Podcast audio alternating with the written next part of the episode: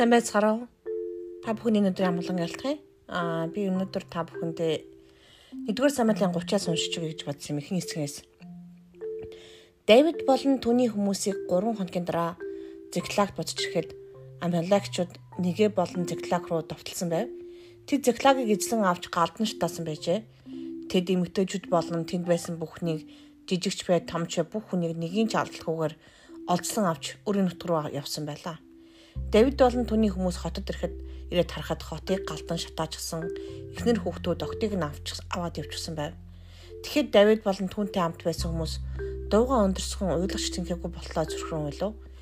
Давидын хоёр эхнэр болох Израиль эмэгтэй Акнан болон Набал эхнэр байсан Кармел эмэгтэй Абагиал нарыг чиглэлсэн явсан байв.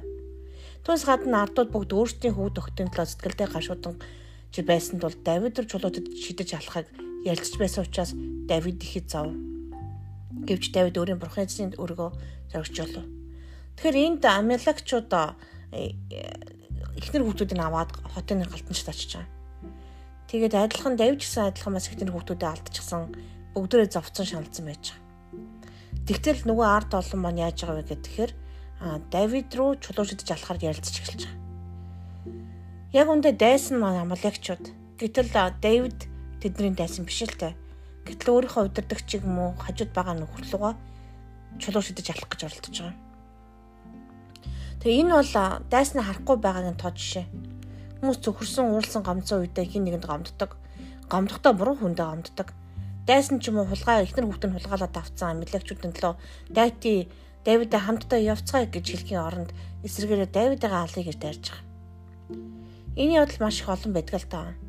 Сүмч болгон багт ч юм уу байдаг надад энэ хитэнтэй тохиолдож байсан. Энэ ерөөсөө сайхан биш. Тэгээд алх алхтаа ерөөсөө юу ч хийгээгүй, буруу хийгээгүй хүмүүс рүү дайрдаг баг. Хажуудаагаа рүү шүү дээ.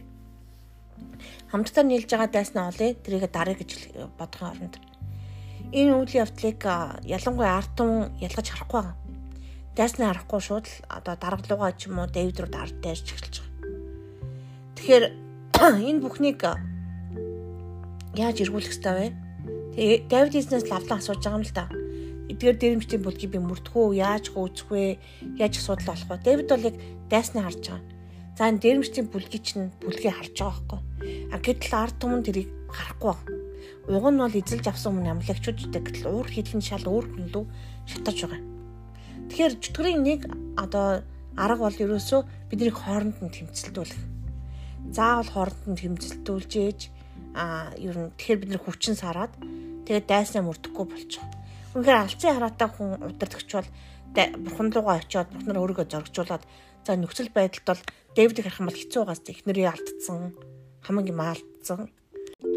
Тэгэхээр хамаг юм алдсан ийм хэцүү байхад ялангуяа өөрийг нь гисэн тэр ард түмэн эсрэг нь босохоор Дэвдэд бүр хэцүү. Ихнэрээ алдсан. Хотоо шатаалгацсан Тэгчээ дээрээс нь дахиад яасан байна. Хажууд нь байсан өөрийн гэсэн хүмүүс яасан байна. Өөрөх нэсрэг босчихсон. Тэгэхээр энд Дэвид өөрийн бурхны эзнэр өөрийгөө зоригжуулах гэж байгаа. Ийм хэцүү үед үнэхээр бурханлуул харахаас өөр үлдэхгүй байж байгаа. Тэгэхээр ийм хэцүү цагуудад та нар бурханлуу харах хэрэгтэй. Амархан биш. Өөрөөгөө би л одоо PT боллоо гэж хэвлэлэр ч юм уу фэйсбүүкээр нэг бичээл энэ хүмүүс ямар буруу хийсэн бэ ингэсэн бэ тэгсэн бэ гэл тэгж гомдлохын хооронд эзэнл үргэх ёстой гэсэн үг.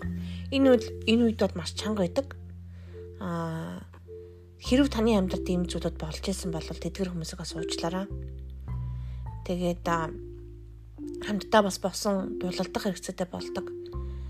Үнэхээр та бас өөр хүнийг мэдхгүй буруудах байсан бол дайснаа олж харах хэрэгтэй. Яг залбирах үед бас дайснууд мэддэгдэл тэ хэнийг яаж хөөмөшгөх мөрдөх вэ? Ямар демон девалуудынд оролцсон бэ гэдгийг ерөнхийдөө ихэнхэнд гадарладаг. Гэтэ тийм боловч шидрийн бол зорилго нь бас амар амлан хулгайлж нөгөө тэргүүн байдай чин баатар эсүүдийг өөрийнхөө одоо үгдгийн өөрийнх нь тулаанд нь тулалдуулахгүй гэсэн зорилготой хоорондоо тэмцэлдэж байгаа хүмүүс яг дайснаа олж харж тэрнтэйгээ дайсантайгаа тэмцэлдэж чадахгүй байдаг. Тэгэхээр бид хуучин гэрээнд түшин гэрээнд амьдарч байгаа. Бидний дайсан маш ойлгомжтой гэдгийг бурхан маш тодорхой хэлсэн байдаг. Бидний дайсан бол үнэхээр демон девал ханхын ертөнцийн хүчнүүд мах цусны эсрэг биш гэдэг юусаа мартаж болохгүй. Харамсалтай нь итгэж бид нар дандаа хоорондоо тэмцэлдэж би нэг муулж одоо үнэхэр хүнжилтөө хөлөө одоо хийж чадахгүй бүр ийм иймэрхүү байдалтай байж байгаа. Тийм учраас ялангуяа пастор ахлагч нараа хүндэтгэж бас хайрлж нөгөөдөл нөгөөдөл нь ч гэсэн бас хүмүүсийгээ бас босгон болгохоос туслах хэрэгтэй.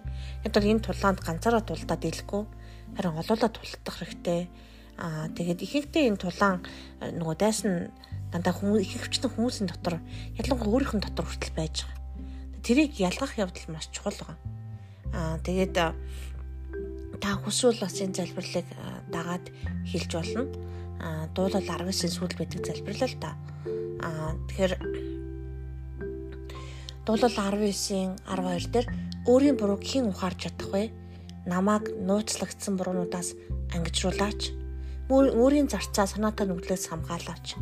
Тэд нар намайг бүү захируулаач. Тэгвэл би гимгүү болж агуу нүглээс ангижна. Миний хаад миний яврагч болох эзэн амнаас минь гарах үгс хийгээд зүрхний минь бяцтгалууд таныг мэлмид тааламжтай байх болтугай гэж. Тэр үнэхээр энэ залбирлыг бас өөртөө хийгээрэй. Яагад бидний өөр өөрийнхөө бас бурууг мэддэггүй, өөр өөрөө хүлээстэй байгаагаа мэдэрдэггүй, өөрөө өөрөө ямар нэгэн сүнслэг хүлээстэй байгааг мэдхгүйгээс болоод бид нар өөртөө гим нүгэл хийж байгаа ч хүртэл заримдаа мэддэггүй байгаа. Үнэхээр санаатай нүглээс хамгаалахын тулд үнэхээр тэднэр бидний битгий захируулж гэрчилж байгаа. Тэгэхээр бидний гим нүгэл биднийг захирч байгаа үед бид нар буруу зүйлийг хийсээр байдаг.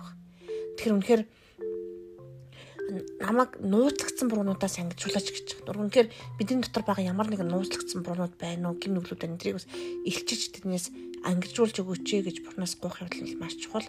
Тэгээ үнэхээр миний зүрхний бослолууд болон тэр гар хөгсмөн хүртэл таны мэлмид таалмжтай байгаасаа гэж хүсэж байгаа. Тэгэхээр дайн тулаан дайсан бол байд юм бэ гэхээр бидний оюун бодол десив хийж байгаа сүнслэг юмуд байна, дээр байгаа хүчнүүд байна а өөрөө сүнсэнд хүлээсгдүүлэгдсэн байгаа өөрөө өөрийгөө гин нүглийг хүлээс дарцсан байгаа гэдгээ заримдаа бид нар хамлалтаа нь ерөөсөө мэддэггүй.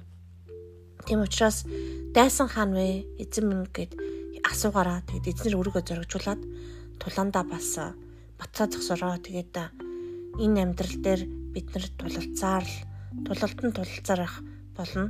Гэтэ эзэн дотор бас хамарч байгаараа баярлаа.